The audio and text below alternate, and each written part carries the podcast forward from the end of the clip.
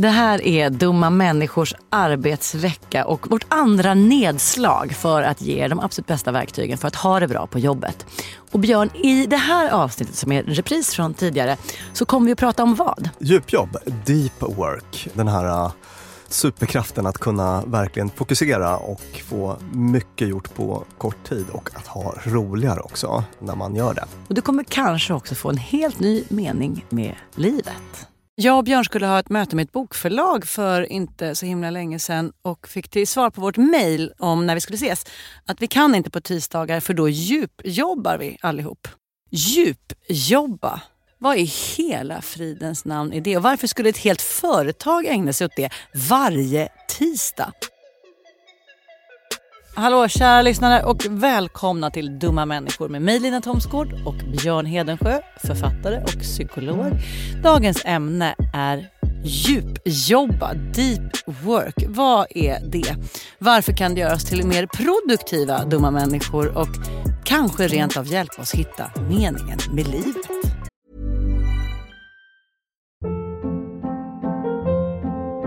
Hold up. What was that? Boring. No flavor. That was as bad as those leftovers you ate all week. Kiki Palmer here, and it's time to say hello to something fresh and guilt-free. Hello Fresh. Jazz up dinner with pecan-crusted chicken or garlic butter shrimp scampi. Now that's music to my mouth. Hello Fresh. Let's get this dinner party started. Discover all the delicious possibilities at hellofresh.com. One size fits all seemed like a good idea for clothes Nice dress. Uh, it's a it's a t-shirt. until you tried it on. Same goes for your healthcare. That's why United Healthcare offers a variety of flexible, budget friendly coverage for medical, vision, dental, and more. So, whether you're between jobs, coming off a parent's plan, or even missed open enrollment, you can find the plan that fits you best. Find out more about United Healthcare coverage at uh1.com. That's uh1.com. Quality sleep is essential. That's why the Sleep Number Smart Bed is designed for your ever evolving sleep needs. Need a bed that's firmer or softer on either side? Helps you sleep at a comfortable temperature? Sleep Number Smart Beds let you individualize your comfort so you sleep better together. JD Power ranks Sleep Number number 1 in customer satisfaction with mattresses purchased in-store. And now, save 50% on the Sleep Number limited edition Smart Bed for a limited time. For JD Power 2023 award information, visit jdpower.com/awards. Only at a Sleep Number store or sleepnumber.com. Dumma människor sponsras av Länsförsäkringar. Mm, Och Länsförsäkringar är ju mer än bara ett försäkringsbolag. De jobbar ju med bank, lån, pension, försäkringar, alltså alla, hela balletten. Ja, Och det här tänkte jag på i morse när följande sak inträffade. Du vet, jag och Alex har flyttat några gånger och eh, varje gång vi har flyttat så har vi sagt vi ska aldrig mer flytta. ja. Vi har också sagt vi ska aldrig mer renovera. Du vet, så här, i- inte en kökslucka ska bytas ut, inte en färg ska målas om. Nu är det så här och det här blir toppen. Ja. Och det har vi liksom lyckats hålla i nya lägenheten tills det blev vinter. För vet du vad som hände då? Nej, berätta. Jag behöver ett badkar. Och vet du vad jag då är så glad över? Nej. Att jag har buffertsparat just för såna här grejer. Så att jag sätter över den lilla summan 1600 kronor varje månad på ett litet konto. Enkom för när såna här saker dyker upp. Att jag bara måste ta bort en liten duschvägg och stoppa in ett badkar. Och det tänker vi nu göra.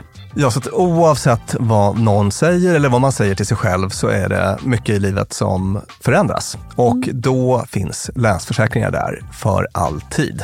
Så kom ihåg att Länsförsäkringars Bank kan hjälpa dig med lån och sparande. Så att du har till exempel en buffert för när saker och ting förändras. Tack så mycket Länsförsäkringar. Dumma människor sponsras av AJ Produkter.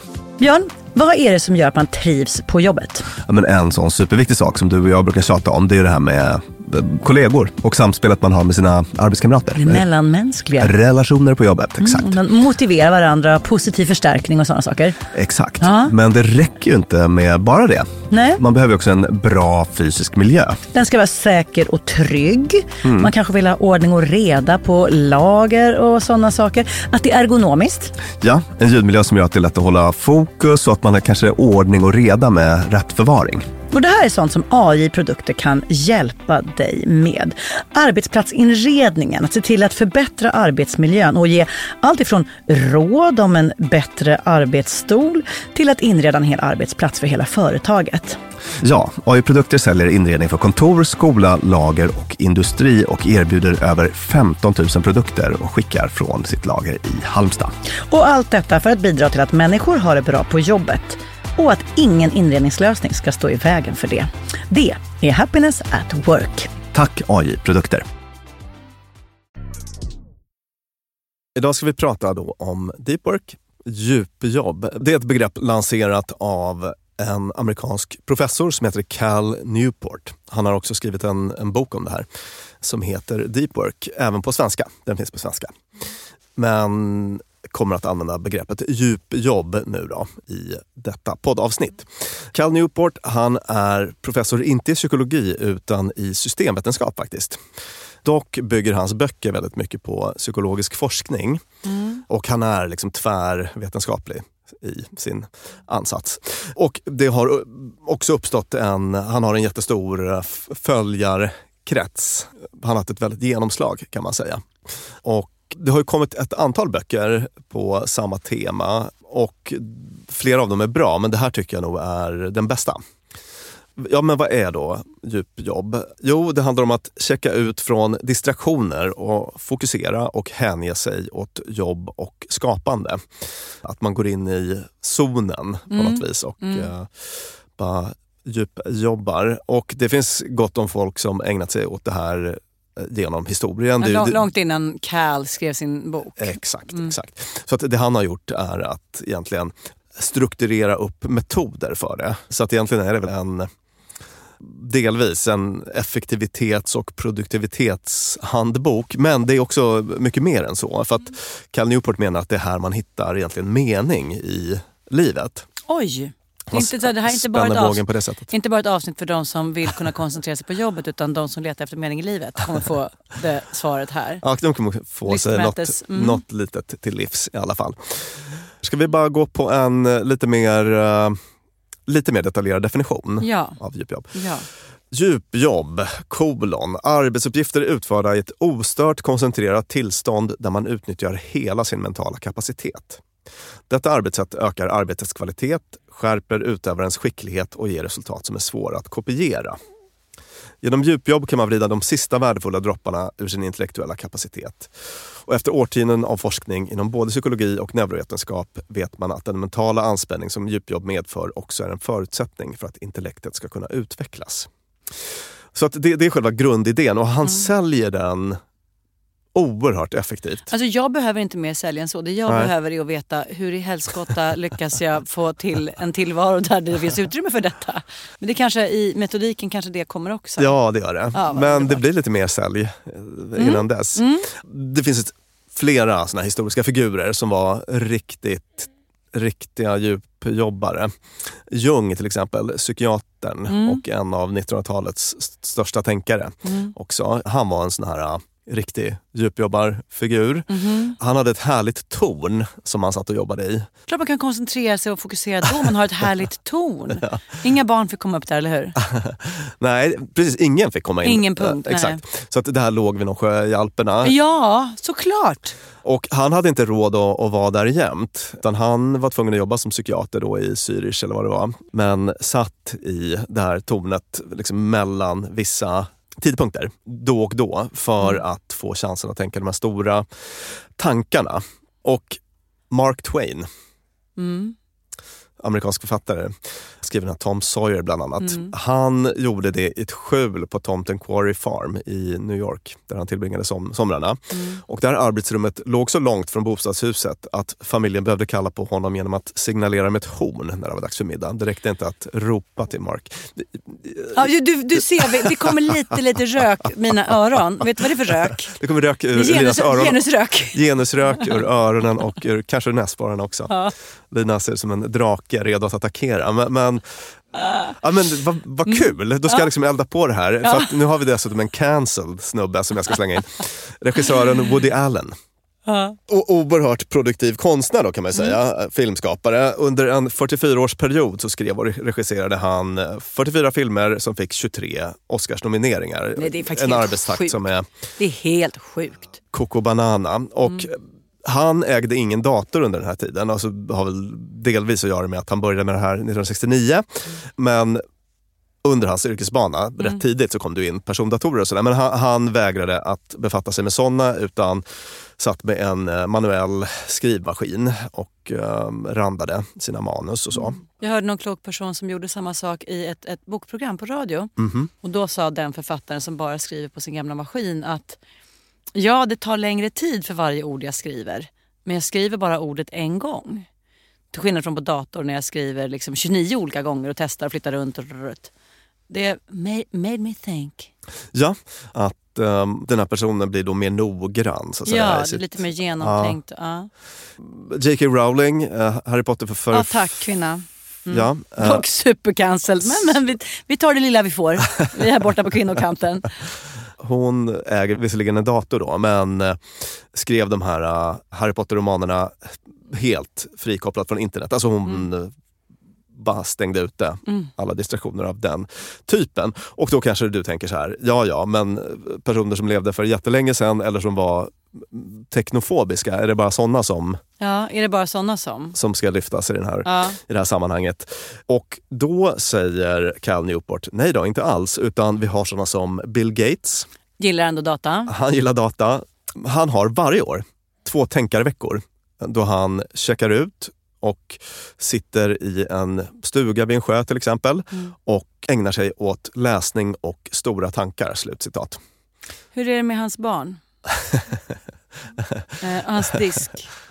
Ja, man, man kan känna en genus, eh, en pyrande genusilska men man kan också känna kanske en pyrande klassilska. Jajamän. För att Ja. vem har råd att hålla på så här? Ja, Eller, eller snarare så här, det kanske det är en del som har. Eh, Men det är självklart att, att Bill Gates har det. Alltså, ja exakt. han. Kan ha, han kan liksom ha... Han, han skulle kunna ha ett tankehalvår utan att det skulle Exakt. Mm. krusa hans privatekonomiska yta. Och jag ska bara ta ett sista exempel på en sån här, uh, bara, understryka den här poängen att man, Ja. inte, att man inte behöver vara teknofob för, Ja, för just att vara en djupjobbsentusiast. Det finns en författare som heter Neil Stevenson och vi som vet, vi vet. så att säga. Han är väl kanske inte super household men Nej. han är liksom enorm i uh, folk som gillar att läsa science fiction och sånt där. Ah, ja, ja. Eh, Han är en ganska spännande figur för att han är, alltså han är intellektuell och han är en sån här som NASA alltså anlitar och så. Hans framtidsscenarion är så otroligt liksom, genomtänkta och Ja. vetenskapsbaserade ofta. Oj. Så att han anlitas av eh, typ regeringar och NASA och sådär för att de vill Oj. få hjälp att tänka kring framtiden. Och han är omöjlig att få tag på. Alltså på elektronisk väg i alla fall. Ja. Han skriver på sin eh, hemsida då att varför man inte kan nå honom. Ja. Varför det inte finns kontaktuppgifter. Om jag ser till att lägga upp mitt liv så att jag får långa sammanhängande oavbrutna arbetsstunder så kan jag skriva romaner. Vad händer om jag istället blir avbruten hela tiden? Istället för romaner som finns kvar för all framtid kommer jag att lämna efter mig en massa e-brev som jag skickar till enskilda personer. Slutcitat. Nu ska vi jobba med väldig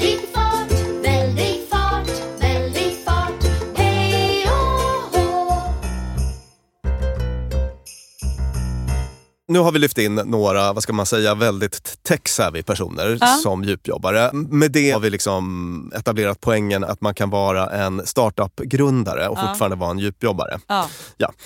Men med det sagt så, så tycker ändå då Cal Newport att orsaken till att vi kunskapsarbetare har tappat kontakten med det här djupet Mm. Är nätverkstjänster i olika former. Allt från liksom Facebook och Twitter och sådana sociala medier, TikTok och nyhetssajter Ah, ah, och ah. liksom olika typer av internettjänster. Och en sån här grej är då e-posten. Han berättar om en McKinsey-studie från 2012 som visar att en genomsnittlig kunskapsarbetare lägger mer än 60 procent av arbetsveckan på elektronisk kommunikation och sökningar på internet. Och att nästan 30 procent av arbetstiden går åt till att läsa och besvara e-post. Och ett sånt tillstånd av splittrat fokus ger inte utrymme för det här djupjobbet då. Eftersom det kräver långa stunder av tänkande utan avbrott. Ja, ja eh, säger jag. Men, men som eh, talesperson för Team Maila vill, vill jag ändå säga att Mm. jag tycker att det är så dumt när man gör e-post, alltså man gör ska jag, färdmedlet e-post till innehållet. Mm. För att så, här, ja, 60% läggs på e-post, eller hur många procent det nu var. Eh, men Mm. E-post då, don't kill problem- people, dålig e-post kills people. Ja, men framförallt att så här, det är inte, jag sitter ju inte och e-postar e-post utan jag sitter ju och löser problem, kommunicerar, hjälper anställda, tar reda på saker. Alltså det, det är ju i sig, e-post är, formatet är ju inte innehållet. Nej, visst. Med, med det sagt så förstår jag ju ändå att hade jag stängt ner mejlen helt eller det som liksom har hänt, säg att man jobbar på, ett, på tåg på den tiden när det inte fanns så bra internet på tåg. Och så satt man sex timmar till Malmö så fick man stanna i Hallsberg i två timmar för att det var vagnfel. Sablar i min lilla muff vad man fick gjort. Helt otroligt mycket fick man gjort. Ja. För att tanken inte dansade iväg. Precis, och det har ju också att göra, dels att man blir faktiskt avbruten. Eh, Vi, vi har gjort ett avsnitt om multitasking där vi tog upp problemet med det. Men där tog vi också upp en annan studie som han tar upp i den här boken och det är en kvinna som heter Sophie Leroy vid University of Minnesota. Och det handlade om det här som kallades uppmärksamhetsrest. Minns du vad det var Lina? Ja, att du och jag har pratat om vad 7 gånger 9 är. Och sen springer jag iväg och ska hjälpa någon annan med att laga shakshuka. Men i mitt huvud så håller jag fortfarande på att försöka lista ut vad 7 gånger 9 är. 63. Och så blir du sämre på shak- shakshukan. Ja, exakt. och vice versa. Om ni vill ha detaljer om den här studien så kan vi rekommendera vårt avsnitt om eh, multitasking och varför det är problematiskt. Men det är precis så som Lina säger, att man tar med sig den, en En- liten rest Ja, av det där icke lösta problemet. Eller rent av det lösta problemet kanske. ja, och går och småfnular på det och det stör i, i den nya uppgiften. Då. Det är Och, som en flik som är öppen i datorn. ja, Och ligger där och bara zum, zum, zum. precis. Så att eh, hans argument här är att det är ett otroligt slöseri med kognitiva resurser att ha folk som sitter och bara kollar e-mail hela tiden, även om det kan vara massa bra innehåll. Så att eh, det här hattiga gör att, och jag citerar nu, svåra uppgifter som verkligen skulle tjäna på fördjupning, till exempel att ta fram nya affärsstrategier eller sammanställa viktiga anslagsansökningar. Kul det låter. Eh, lägga in som en parentes där. hetsas fram i små ryck med mediokert resultat. Och djupet ligger verkligen illa till eftersom allt fler undersökningar visar att utvecklingen mot det ytliga är ett skifte som det är svårt att ändra riktning på. Aha, det är lite som att man väl har börjat äta smågodis eller tomma kalorier så går det inte att sluta. Ja, alltså precis. Alltså en, en tanke om vad som är det verkliga problemet, det, det är att vi på ett sätt fuckar våra hjärnor lite. Ja. Vi blir hela tiden på jakt efter, Nästa här- lilla like, nästa lilla Ja, just det. minigodisbit. Och att den här förmågan till eh, djupjobb eller fokus varaktigt försämras. Ja. Att vi håller på att omprogrammera våra hjärnor lite. Sen så tar han upp det här eh, med improduktiv upptagenhet. Det har vi pratat om någon gång tror jag. Det, Minns du vad det var det. eller? Man sitter där och är så otroligt upptagen med någonting som inte blir någonting. Ja. Och att man också försöker signalera.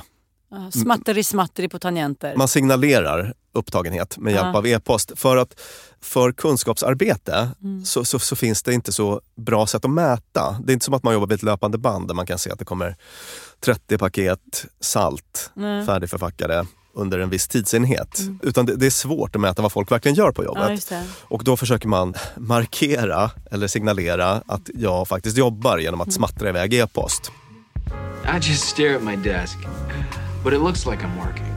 I do that for uh, probably another hour after lunch, too. I'd say in a given week, I probably only do about 15 minutes of real, actual work. På många sätt då en argumentation för produktivitet. Alltså deep work, djupjobb handlar om att öka produktivitet, öka effektivitet. Men inte bara. Utan också en väg till lycka och mening. Han lyfter upp ett exempel. Det finns en eh, bok som heter Wrapped från 2009 skriven av en journalist som heter Winifred Gallagher, vetenskapsjournalist. Hon hade fått cancer, fick en cancerdiagnos, en långt framskriden. Och skriver då i den här boken Sjukdomen ville få monopol på min uppmärksamhet men jag skulle så mycket som möjligt försöka fokusera på mitt liv istället. Så att det var hennes utgångspunkt då. Och hon gick in i livet med ett sånt kanske inte fokus på jobb då, men, men med djupt fokus på annat. Alltså filmerna, promenaderna och kvällsdrinken. Och Åh. upptäckte att det fungerade förvånansvärt bra. Jag citerar ur boken här då. Hennes liv under denna period borde ha varit genomsyrat av rädsla och självömkan, men att hon märkte att hon istället hade det ganska trevligt. Och vad ska man säga, alltså det, det, det är ingenting man kan förvänta sig. För de allra flesta så kommer ett sånt här besked att innebära något absolut fasansfullt och otroligt mycket sorg, ångest och så vidare. Det är väl det, nat- det naturliga. Ja. Men den, den poäng han vill göra med att ta upp det här är att som också ligger i linje med sånt som vi tidigare pratat om i podden. Ja, Mm. precis. Det är att, att ett lyckligt liv handlar mycket om var man lägger sitt Ja, fokus. det, närvaron, att vara där. Liksom. det här känner jag igen från, från behandling också. Ja. Att var man väljer att lägga sitt fokus kommer att påverka din upplevelse av, av liksom lycka och mening. Just det. För det, det är så himla fint att så här, ett, du kan i det här rummet som jag är i nu så kan jag välja att fokusera på den sköna heltäckningsmattan mot mina fötter eller den obekväma stolen mot min rumpa. Jag har det valet och om jag väljer att fokusera på sköna heltäckningsmattan mot fötterna och är liksom närvarande i det Mm. istället för att studsa runt mellan 140 andra saker Ja. så fyller jag min lilla livssekund med njut. Ja. Jämfört med om jag bara, åh solen gör ont och det är för jä-" alltså, Mm. Och det här är en grej som man har sett då att äldre har blivit bättre på. Har blivit Alltså, bättre på jämfört med när man var yngre eller bättre på över tid? Att Eh, alltså, äldre idag är äldre bättre är- än äldre på 70-talet? när äldre är bättre än yngre Ja. personer på det här. Man, man har sett det, det var en, en Stanford-psykolog som heter Laura Carstensen som mätte känslomässigt påslag för yngre och äldre som fick se både positiva och negativa bilder. Mm. Och då kunde man se att, att de här äldre personerna var jämfört med yngre, de var mer neutrala inför det negativa men mer positiva. Ah, Eh, Eller det, Ja. alltså, inte, inte så mycket påslag av det negativa, nej. mycket påslag av det positiva.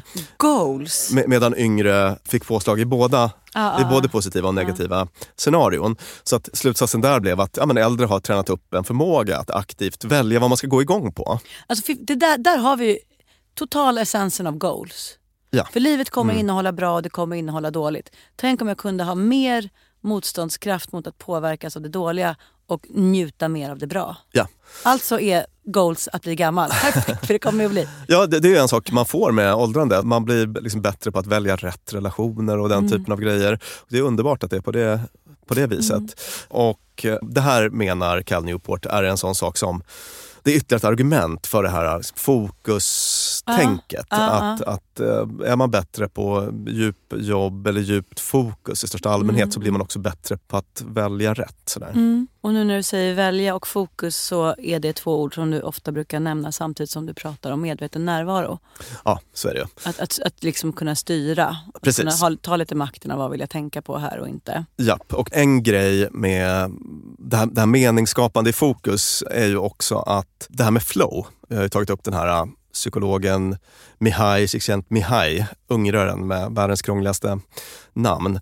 Flow var begreppet han lanserade och det är ett otroligt lustfyllt tillstånd. Jag hoppas verkligen att eh, lyssnarna har varit med om det någon gång. Att när man jobbar med en arbetsuppgift och man går upp i den så eh, fullständigt så att man glömmer bort att kissa mer eller mindre. Man mår ju kanon när man är i det tillståndet och det är, upplevs som väldigt meningsskapande. Och det är ju en annan, alltså djupjobb är nästan en förutsättning då för att man ska komma in i det tillståndet. You know me, I just go with the flow. Nu kan vi gå på reglerna. Ja, det finns regler. Mm. Ja, alltså nu har vi varit inne på egentligen en problembeskrivning mycket. Ja, ja, okej. Ja. Hur gör vi då för att uppnå det här härliga? Japp. Vad finns det för regler att följa? gå på djupet och hitta ett bra schema för det. Hitta ett bra schemaupplägg för att gå på djupet. Och han tar avstamp där i en studie av en som heter Baumeister. Och i just den här studien så var det så att man följde 205 personer som utrustades med personsökare som aktiverades slumpmässigt. En typ av studie som vi har tagit upp i andra sammanhang. Då. Och när de fick ett pip så skulle de rapportera in vad, vilka begär som den här personen hade. i det ögonblicket. I det ögonblicket eller de senaste 30, 30 minuterna och sen besvara ett gäng frågor då om de här begären. Och efter en vecka så hade de samlat in mer än 7500 såna sample och det de upptäckte då det var att folk kämpar mot sina begär dygnet runt. Vad tror du att folk ville ha? Vilka begär var vanligast? De ville ha mat, de ville sova, de ville kanske kn. Mm. De... Det var tre i topp. Ah, Well done. ah, kul, då slutar jag där på topp. Ja. Och de två andra då på fem i topp var att ta en paus från jobbet och att kolla e-post och sociala medier, webbsurfa, lyssna på musik, titta på tv som var en egen kategori. Med det här sagt då så är vi djur som ständigt lockas av olika begär och ofta ger efter för dem. Eh, Det är det som är Alltså det är liksom det mänskliga tillståndet. Det finns ingenting som definierar oss mer än, än, än att vi så ofta går på kortsiktig belöning. Mm. Och det är ofta det som jag behandlar i olika former. Då. Och där behöver det inte handla om liksom, mat och sömn utan snarare att man går på kortsiktig ångestdämpning istället för Ja, att det. Mm. ja, stå ut med obehag och sådär. Och för att hantera det här så ett viktigt steg är att liksom skapa en struktur som ger en lite hjälp. Och en sån sak är att göra scheman.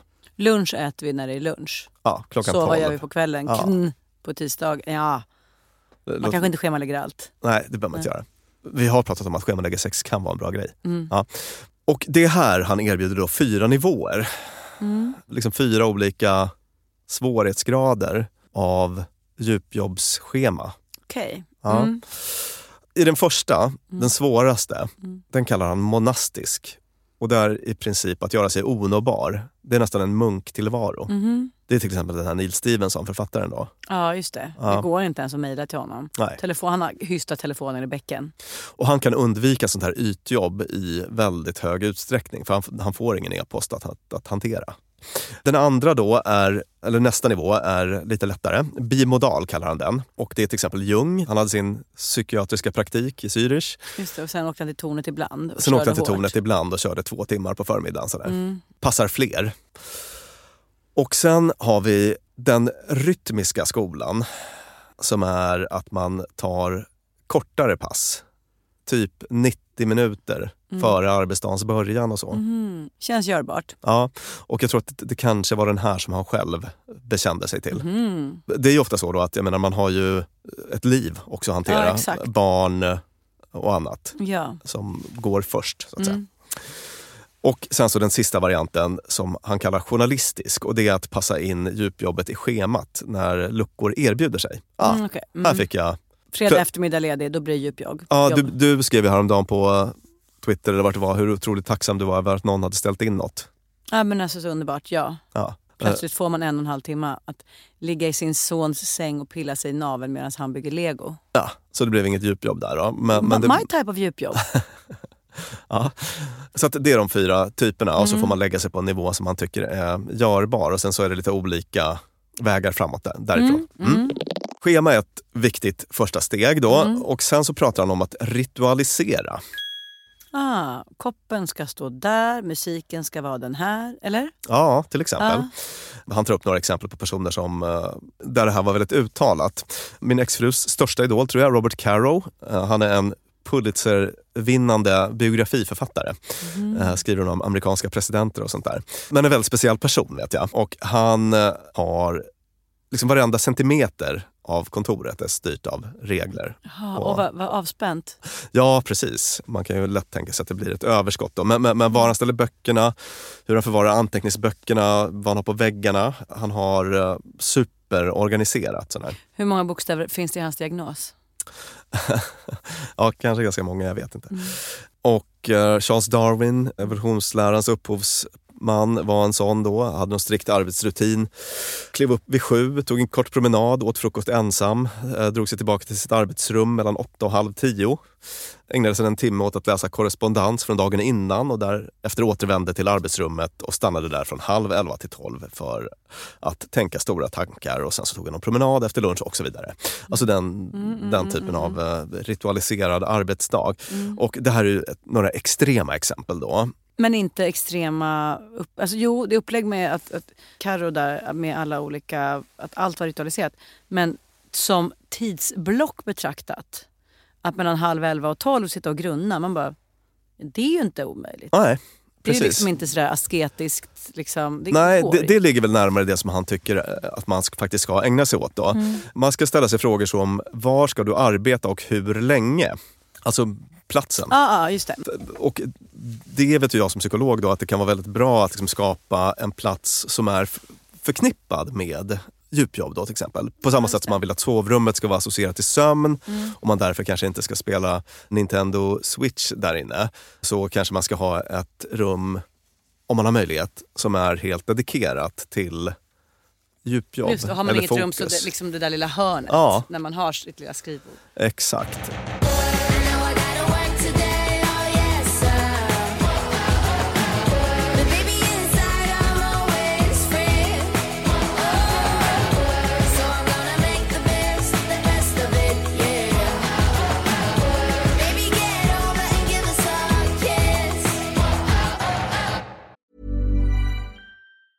If you thought the only way to get a more defined jawline with natural looking results was through surgery, think again. Juvederm Volux XC is a non surgical injectable gel filler that improves moderate to severe loss of jawline definition and can help you achieve natural looking results with little downtime. Even better, this improved definition lasts up to one year with optimal treatment. No maintenance required. Improve jawline definition for a smooth, sculpted look with Juvederm Volux XC. For important safety information and to find a licensed specialist, visit juvederm.com. That's J U V E D E R M.com. Not for people with severe allergic reactions, allergies to lidocaine, or the proteins used in Juvederm. Common side effects include injection site redness, swelling, pain, tenderness, firmness, lumps, bumps, bruising, discoloration, or itching. There's a risk of unintentional injection into a blood vessel, which can cause vision abnormalities, blindness, stroke, temporary scabs, or scarring. Talk to a licensed specialist to find out if it's right for you. A lot can happen in three years, like a chatbot may be your new best friend. But what won't change? Needing health insurance. United Healthcare Tri Term Medical Plans, underwritten by Golden Rule Insurance Company, offer flexible, budget friendly coverage that lasts nearly three years in some states. Learn more at uh1.com. Quality sleep is essential. That's why the Sleep Number Smart Bed is designed for your ever evolving sleep needs. Need a bed that's firmer or softer on either side? Helps you sleep at a comfortable temperature? Sleep Number Smart Beds let you individualize your comfort so you sleep better together. JD Power ranks Sleep Number number 1 in customer satisfaction with mattresses purchased in-store. And now, save 50% on the Sleep Number limited edition Smart Bed for a limited time. For JD Power 2023 award information, visit jdpower.com/awards. Only at a Sleep Number store or sleepnumber.com.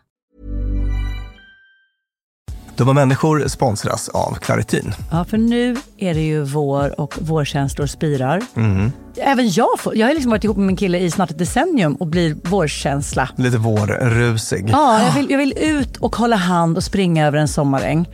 Ja. Och då kan man tänka att det är synd om dem som inte kan det. Det är rätt många ja. Det är det. Ja. Och det märker man alltid på just våren. För det är då de kommer in på kontoret och när alla andra är så uppspelta för att gatorna är sopade och solen gnistrar så är det liksom bara rinnande ögon, rinnande näsa, det Min kliar. pappa till exempel, pollenallergiker som älskar att påta i trädgården då. Och det vill man ju att han ska kunna göra. Och det är där vårt budskap från Clarityn kommer in i bilden. För det, Clarityn ger vårkänslorna en chans för allergiker. Det är antihistamin vid tillfälliga allergiska besvär, till exempel pollen, pälsdjur eller dammallergi, som ger snabb effekt inom en till tre timmar. Och besvären lindras i hela 24 timmar. Clarityn, en tablett och sirap, Loratadin, är receptfria läkemedel vid tillfälliga allergiska besvär hos vuxna och barn över 6 år och kroppsvikt över 30 kilo om du tar tablett. Du ska inte ta Clarityn om du är gravid eller ammar. Läs bipacksedeln noga innan du tar Claritin, särskilt om du har en leversjukdom eller ska genomgå hudtester för allergi. Och kontakta läkare om du inte mår bättre eller om du mår sämre efter sju dagar. Och kontakta alltid läkare vid användning längre än tre månader. Och mer om det här kan du läsa på bayer.se. Tusen tack Claritin. Dumma människor sponsras av Arlanda Express. Och du och jag, Björn, var ju på en jobbresa. Upp till Kiruna. Där var det ljuvligt. Verkligen. Och när vi sen landade för att komma hem så hade jag ju planerat på ett Lina Thomsgårds sätt. Skulle hämta barnen goda 45 minuter efter landning. Jag fick oerhört bråttom och istället för att springa ut och ställa mig i den långa taxikön så vrålade jag till dig. Det här var faktiskt det blev en rolig scen. Ja. när jag såg hur det stod så här Arlanda Express två minuter och jag bara Björn, jag måste ta den! Och så bara, men ska vi inte ta taxi? Nej! Mm. Historia slår igen, jag springer ner och hinner på 18 minuter in i stan springa in, ta en tunnelbana, han hämta mina barn. Fantastiskt ja. Och det var faktiskt otroligt. Ja, Arlanda Express är ju det snabbaste och smidigaste sättet att ta sig till och från Arlanda. Det tar alltså bara 18 minuter och det är väldigt hög punktlighet också. Så att de eh, går i tid, alltid. Jag har heller aldrig varit med om en svalare tågcentral. Jag vet inte om den ligger så långt ner. Men när man har sprungit snabbt för att hinna med det här tåget, för att man har, min, alltså man har sekunder som man inte kan avvara. Då är det en väldigt sval liten plats på att stå och mellanlanda. Och sen hoppar man på och då hade man inte hunnit köpa sin biljett för att det hade inte jag hunnit tänka på. Då var det bara klicket i klicket in på nätet. Köp, köp. Hur enkelt som helst. Så praktiskt. Och det här tåget går från tidig morgon 04.20 till sent på natten då 00.35 och i högtrafik går Arlanda Express upp till var tionde minut. Så hoppa på tåget. Det finns gott om anledningar att ta Arlanda Express. Tack så mycket Arlanda Express. En annan fråga att ställa sig är hur arbetar man, eller hur arbetar jag, du, när du väl satt igång? Ja, det ska man också ha en liten regel för. Ja, till exempel förbjuda internetanvändning. Det här är någonting som jag har gjort när jag har skrivit böcker. Precis så här, mellan vilka tider ska internet vara avstängt? Ah, för då singlar man inte iväg och kör en liten gog och så hamnar någon helt annanstans och börjar svara på en rolig kommentar. Nej. Alltså när jag verkligen har behövt prestera har jag gjort på det sättet och det har ju funkat. Det funkar ju jättebra. Och då finns det ju sån här mjukvara man kan använda för att hjälpa sig själv att stänga ner internet. Så. Hitta dem på internet. Hitta dem på internet. Mm. Och man kan ha andra regler, till exempel hur många ord man ska skriva per... Ja, just det. En per- A4-sida. Ja, Ja. en annan typ alltså, som inte är en tidsregel utan mer en, en produktionsmängd. Ytterligare en fråga att ställa till sig själv. Vad behöver jag för att klara av min arbetsuppgift? Måste jag börja med en god kopp kaffe kanske? Just det, ett litet äpple eller en Treo eller skönare stol. Mm. Hur ofta behöver jag äta? Mm. Behöver jag ett mellis med mig in i rummet där? Ett litet tips han slänger in där, det är att om man verkligen behöver prestera vid något enskilt tillfälle, att slå på stort och att försöka göra det även om man har begränsade medel så att säga, inom de ramar man, man har. Han tar som exempel på J.K. Rowling, dyker upp igen. Ja. Hon skrev ju Harry Potter som utblottad. eh, fler- singelmamma typ. Singelmamma, precis. Men när hon skulle skriva klart så hade hon tagit in på ett av de finaste hotellen i Edinburgh för att på något sätt signalera till sig själv att nu är det allvar, nu Ja, är det just viktigt. det. Just det. Det är en investering. Det är en och det- investering ja. ja, och det hjälpte henne att komma in i zonen. Ett annat knep han skickar med är att man inte ska arbeta ensam. Och den här frågan är ju lite komplicerad för att vi har ju det här med liksom öppna kontorslandskap som vi vet är produktivitetssänkande ofta. Folk kommer fram, avbryter. Ja. Själva motsatsen till djupjobb. Men eh, samtidigt har vi det här med social facilitering, det vill säga att vi skärper oss i närvaro av andra. Just om du och jag bestämmer att nu sitter vi här en timma. Okej, vi kör. Så när jag, när jag väl känner att nu vill jag slarva och göra något annat. Nej, Björn sitter och jobbar på så det ska jag också göra. Ja. Så, så nå- någon typ av pakt kan vara ett, ett väldigt bra produktivitetstips. Då. Sen så har han ett tips som är verkställ som ett företag. Vad tänker du då? Blir du... Ja, men jag, nej, eller jag tänker att, att vara lite sin egen stränga chef kanske. Yes. Han utgår ifrån, det finns en Harvard-forskare som heter Clayton Christensen som har ett koncept som kallas Four Disciplines of Execution. Och vi ska inte fastna i det, men han bygger sin lilla tipslista på det då, just här. Och det, det första är att fokusera på det som är verkligen viktigt, det omistliga. Och det här vet jag att du gillar. Ja, mm. ja, det har jag haft som någon fiffig regel. Att så här, varje, varje dag så börja med det som är, som är så viktigt och bökigt så att om du har det gjort så kommer du vara nöjd med dig själv idag. Exakt. Och det, det, det är ungefär det han säger. Ja. Att, att den som vill få kontroll över sin uppmärksamhet ska inte säga nej till alla de trivialiteter som informationssmörgåsbordet erbjuder. Istället ska man säga ja till det som väcker en överväldigande längtan och låta denna överväldigande längtan tränga ut allt annat. Och jag menar, Ja, överligen längtan Ja. är inte exakt vad man känner när man behöver liksom skicka in den här redovisningen till Riksantikvarieämbetet. Men, nej, men precis. eh, man vet Eh, att jag, jag längtar tills jag är klar med det. Exakt. Och en annan av de här fyra punkterna i det här verksamhet som ett företag då, det är att man ska gå på förhandsmätningar och jag ska förklara vad han menar med det. Vi tenderar ju ibland att ha väldigt mycket fokus på resultat, Ja. men det ligger ju i framtiden. Ja. Alltså, och att mäta kan vara väldigt motiverande. Fattar du vad jag menar? räkna ord. Gud vad mycket lyssningar vi hade på Ja, podden förra året. Mm. Kul! Ja. Men det är ju så att säga i förfluten tid. Mm, just det. Så att han menar att det kan, det kan vara väldigt motiverande att ägna sig åt något som han kallar förhandsmätningar. Och, och det kan vara, hur mycket tid har jag lagt på det här projektet? Eller hur många liksom, t- telefonsamtal får jag in idag? Hur många säljsamtal lyckas jag klämma in? Mm. Alltså sådana nyckelbeteenden som är viktiga för att man ska nå framgång i ett projekt. Att man liksom loggar det. Va- varför får det här mig att må dåligt? Jo, det? för att jag ja, men det är för att jag tänker lite på en sån här supermonitorerad arbetsplats. Ja. Med så här 17, se- kom igen alla ska ha sålt 20, whatever. Mm. Men å andra sidan tänker jag produktivitet så Ja. är väl det förmodligen ett sätt som funkar. Och det är vad vi Precis, och alltså, en avgörande skillnad här är väl att det handlar om eh, en själv och sånt som man i grunden tycker är kul och intressant. Ja, jag, så här, om, jag, om jag får jämföra med till exempel när vi är på flytta och jag var så här, idag har jag packat 14 lådor, jag har packat ner alla de här grejerna och idag har jag liksom ringt de här Det var jättemotiverande Mm. Och gav en känsla av att jag hade kommit en bra bit. Ja, kan vara ett bra exempel på det då. Och sen pratar han faktiskt om, också om att man ska mäta resultat efteråt för att även det kan vara motiverande. Och slutligen att hitta någon bra avstämningsrytm, det vill säga att man följer upp det som, det som görs. Vad, vad funkar det, vad funkar det inte? Mm. Och, och att man hittar ett, eh, en rutin för det helt enkelt.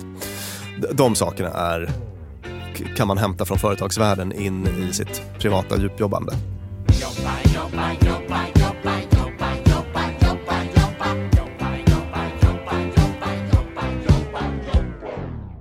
Jag märker att jag blir lite förbryllad för jag tänkte när vi skulle göra att- att deep work var ungefär så här. Gå in i en grotta, släng bort nyckeln och sitta och bara tänk fria tankar så kommer du förr eller senare att skapa något bra.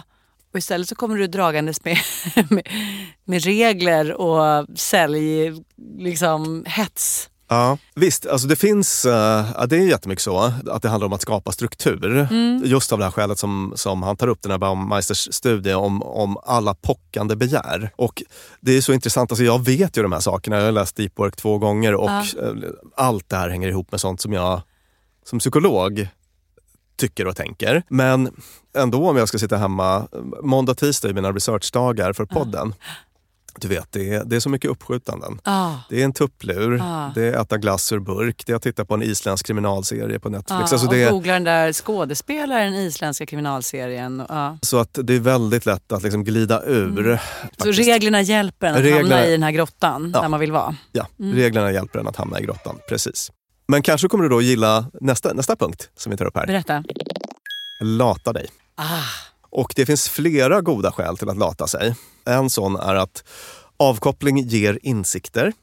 Sant. Det här tror jag att många lyssnare har en intuitiv förståelse för. Att man kan ha något problem, vad det än kan vara, stopp i avloppet eller så, eh, som man har försökt fixa. Och sen så försöker man och försöker och försöker och försöker, kommer ingen vart och sen så går man och eh, spelar paddel eller tv-spel eller går och lägger sig och sen så poff Mm. dyker lösningen upp när man slutar anstränga sig.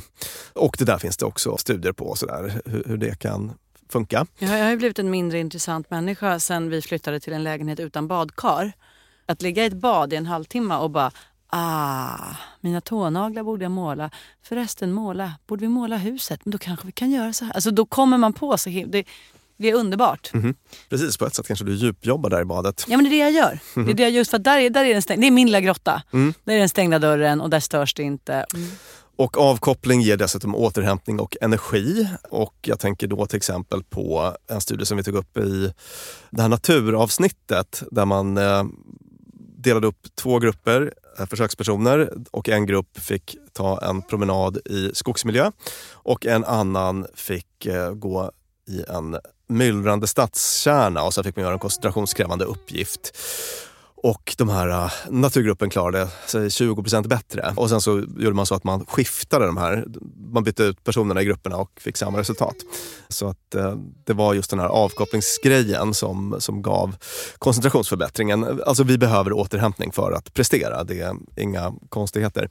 Och ett sånt litet knep som han tar upp är att ja, men han är ju verkligen inne på det här med en ganska stram uppdelning mellan arbete och fritid. Och den kan man åstadkomma genom en avstängningsritual. Den kan gå till så att man innan, säg kanske en kvart innan det klockslag då du har bestämt att arbetsdagen ska ta slut, jag tror det var 17.30 i hans fall, Ja.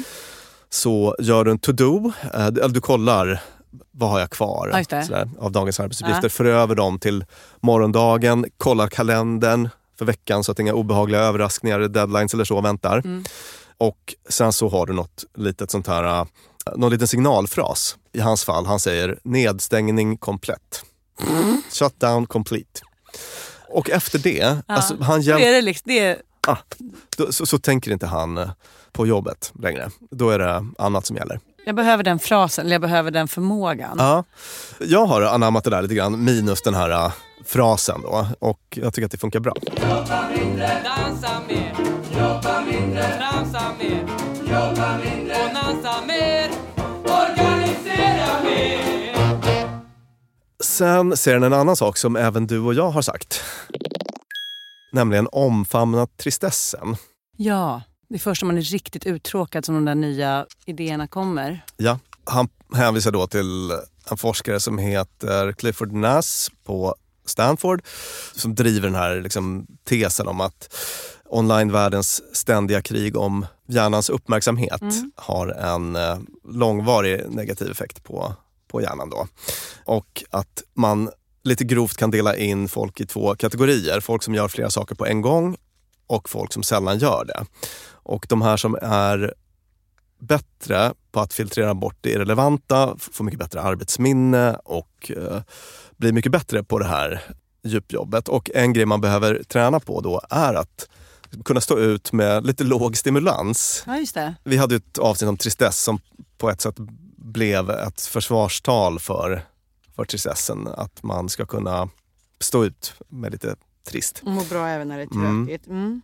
Så här skriver han, att så snart hjärnan har vant sig vid att bli störd när det behövs är det svårt att sluta med beroendet även när man vill koncentrera sig. Eller med en krassare formulering.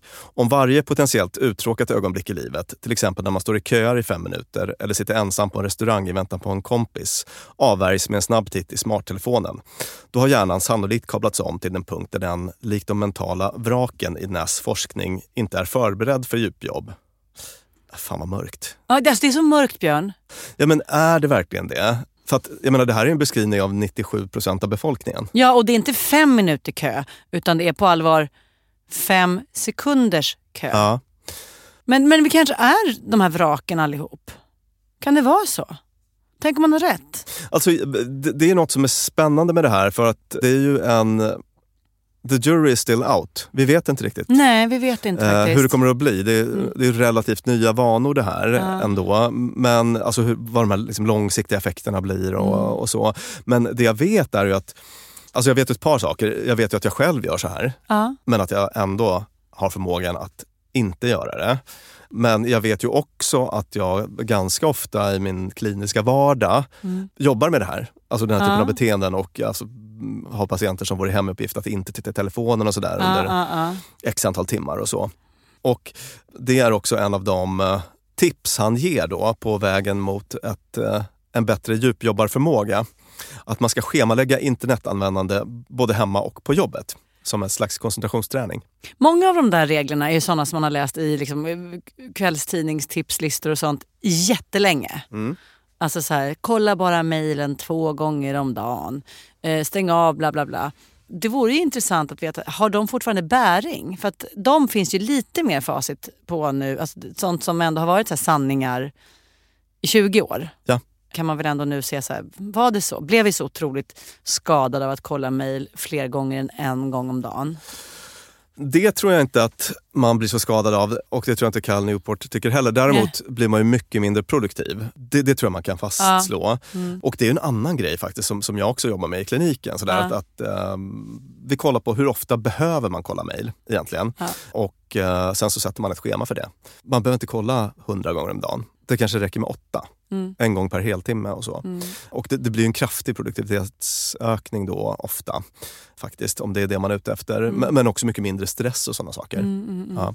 Alltså det är ett långt avsnitt i den här boken Ja. som är så att säga Negativt mot sociala medier. Ja, han- säger, att, han säger så här, att jag vill inte moralisera och jag, har ingen, jag kommer inte att säga att samhället blir bättre eller sämre med eller utan, men sluta med Facebook. Typ ja, så. Ja. och där tycker det här är en ganska hardcore. Eh, Så att på ett sätt säger han att, att han inte ska moralisera, men, men om man ska vara lite kritisk så är det väl att han kanske ändå gör det lite grann. ja, jag fattar. Jag fattar. Och det är en annan sån här liten invändning jag har. Det känns som att det på ett sätt handlar ganska mycket om personligheten hos honom. Han tappar ingenting på att inte använda sociala medier. Nej, just det. Men jag för min del tycker att väldigt mycket positivt i mitt liv kommer ur det. Ja, Alltså när det tänk vad om- många asgarv man skulle gå miste om. Ja, och inte bara underhållning utan eh, du vet, några så bästa vänner som jag har Ja. träffat eh, på det sättet och jättemycket roliga jobbmöjligheter Ja. och så. Faktum är att det, jag skulle säga att sociala medier är instrumentella i mitt yrkesliv. Ja, visst. Så att lite möjligen förenklat negativt om den biten. Sådär. Ja. Men sen så, det är klart, det är otroligt mycket igenkänning när han pratar Mm. om de här äh, liksom ständiga distraktionerna som blir. Ja. Och det där vet jag ju om. Och Ja. är det så att jag verkligen behöver prestera så ser jag till att eh, mobilen är eh, i ett annat rum gärna. Work, work, work,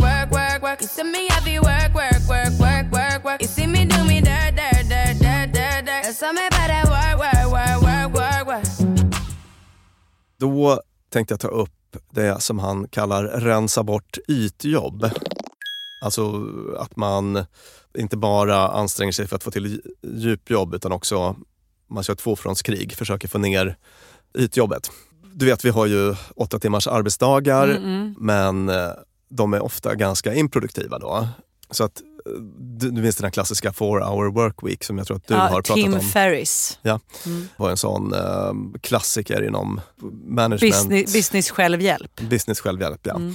Att man ska få ett rikare liv genom att bli mer effektiv Mm. och eh, jobba mycket, mycket mindre. Och han är inne på samma spår då, fast kanske inte lika extremt. Mm. Att det, det här är också ett sätt att få en bättre livskvalitet genom att jobba mindre. Och han tar upp ett exempel, ett företag som heter 37 Signals, ett amerikanskt techföretag.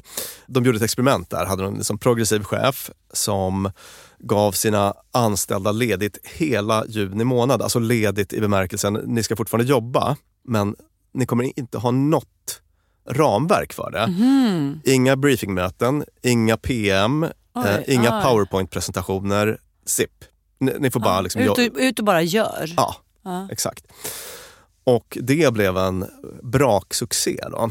Det blev en sån djupjobbstriumf verkligen Mm. där de anställda kom tillbaka med, med flera projekt, eller kompletterade projekt för datavisualiseringssystem och vad det var, som eh, var extremt användbara Mm. för företaget. Då. Att de här liksom ostörda timmarna kan, kan ge otroligt mycket. Och, vad- vad- och vad kan man göra med den kunskapen som en vanlig anställd? Se till att hålla en eller flera dagar i veckan, eller delar av dagar i veckan, fria från... Alltså att skapa tid för det där helt enkelt. Ja, precis. Man kan försöka pusha sin chef lite grann och det är kanske lättare sagt än gjort. Det beror väl helt på vad man har för omständigheter i yrkeslivet och sådär. Men, men eh, han föreslår att man pratar med chefen om, en, om man har medarbetarsamtal eller så, Mm. om en tidsbudget för ytjobb. Att jag ska lägga Ah. max så mycket av min arbetstid på de här liksom lättare okvalificerade grejerna. Ja. Och eh, om man har ett sånt kunskapsjobb. Ja, då. Och resten vill jag faktiskt koncentrera mig på kärnan. Och så kan man hänvisa till den överenskommelsen sen. Ja, gud vad spännande. Så, Mm. på, så att jag vill inte lägga mer än fyra timmar, det vill säga måndag förmiddag. Resten är deep time man. Och s- så har jag faktiskt gjort lite grann på Ja. arbetsplatser där jag var. Jag var på en arbetsplats för inte så himla länge sedan. Jag slutade för att jag pallade inte liksom, möteskulturen. Nej. Som var kanske 50% av arbetstiden. Mm. Jag kände precis så. Det här är ett slöseri med resurser. Ja. Att jag sitter så länge och lyssnar på sånt som kanske är bara vagt relaterat till det jag är anställd för att göra.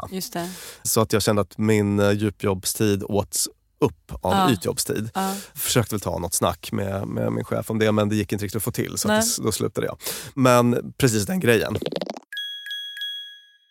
Det om djupjobb, eh, deep work. Tack Björn för att du alltid sätter dig så otroligt bra in i våra ämnen. Tack för att du inspirerade åtminstone mig eh, att koncentrera mig lite mer och skapa utrymme för det. Tack för idag. Jag heter Lina Thomsgård, Björn Hedensjö, psykolog och författare, gör podden med mig tillsammans med vår producent Klara Wallin. Podden klipps av Peter Malmqvist och spelas in hos Beppo. Och ni hittar oss i sociala medier där ni ska vara lagom mycket. Inte alls tycker Cal, men vi tycker att lagom mycket får räcka. På Instagram, dumma människor. Hörs mer snart. Tack och hej!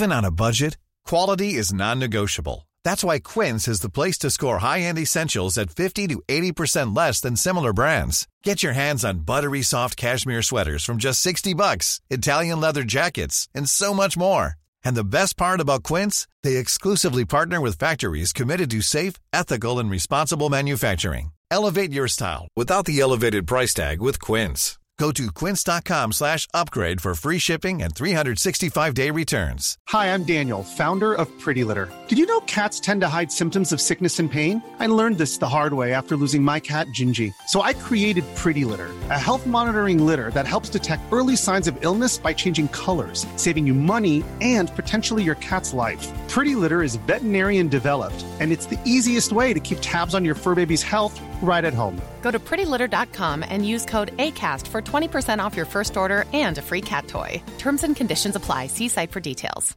Mom deserves the best, and there's no better place to shop for Mother's Day than Whole Foods Market. They're your destination for unbeatable savings, from premium gifts to show-stopping flowers and irresistible desserts. Start by saving 33% with Prime on all body care and candles. Then get a 15-stem bunch of tulips for just $9.99 each with Prime. Round out Mom's menu with festive rosé, irresistible berry chantilly cake, and more special treats. Come celebrate Mother's Day at Whole Foods Market.